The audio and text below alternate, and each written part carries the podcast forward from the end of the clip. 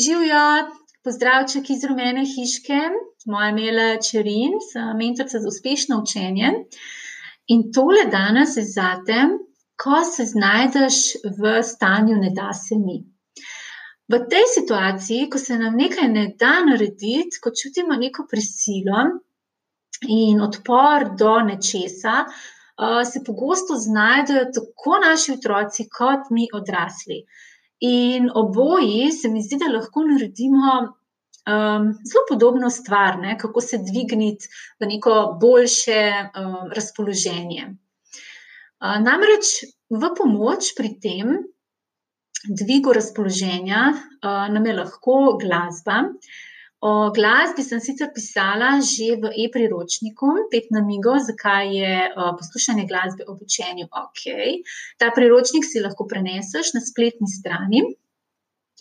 In um, tole, v bistvu, danes je samo mali delček, kako glasbo dejansko uporabiti.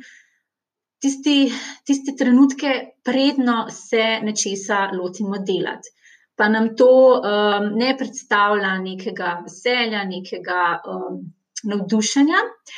In takrat, recimo, jaz osebno uporabim kar uh, neko tako živahno glasbo, uh, ki, me, ki mi predstavlja v tistem trenutku um, tisti dvig energije. Za katerega izberem tako glasbo, za katero vem, da me bo postavila v eno stopničko više, no? da bom lažje potem se spravila nečesa delati. Zato, ker zelo pomembno je, s kakšnim pristopom se mi nečesa lotimo. Če vemo, da pač nekaj moramo narediti, pa nam to ni uh, ravno v veliko veselje, potem se moramo nekako um, zavestno, bom rekla, dvigniti energijo, um, da potem to lažje opravimo.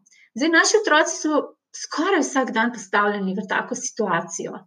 Sploh za tiste, ki se morajo vsak dan učiti, um, je res včasih zelo težko in predstavlja res veliki izziv, da se lotijo tega učenja. In celo, če jih vprašamo, ne, kaj je pri vsem učenju najtežje, uh, jih zelo veliko odgovori, da ravno to, da ne vejo, kako se lotiti, kako se spraviti učiti. Torej, ta delček, ta čas, tik pred učenjem in potem zavlačujejo in zavlačujejo, in uh, sama priprava na učenje traja uh, veliko dlje, kot pa recimo samo učenje. Potem. In tudi uh, je zelo pomembno, s kakšnim, s kakšnim pristopom uh, se tega lotimo, torej samega dela oziroma samega učenja.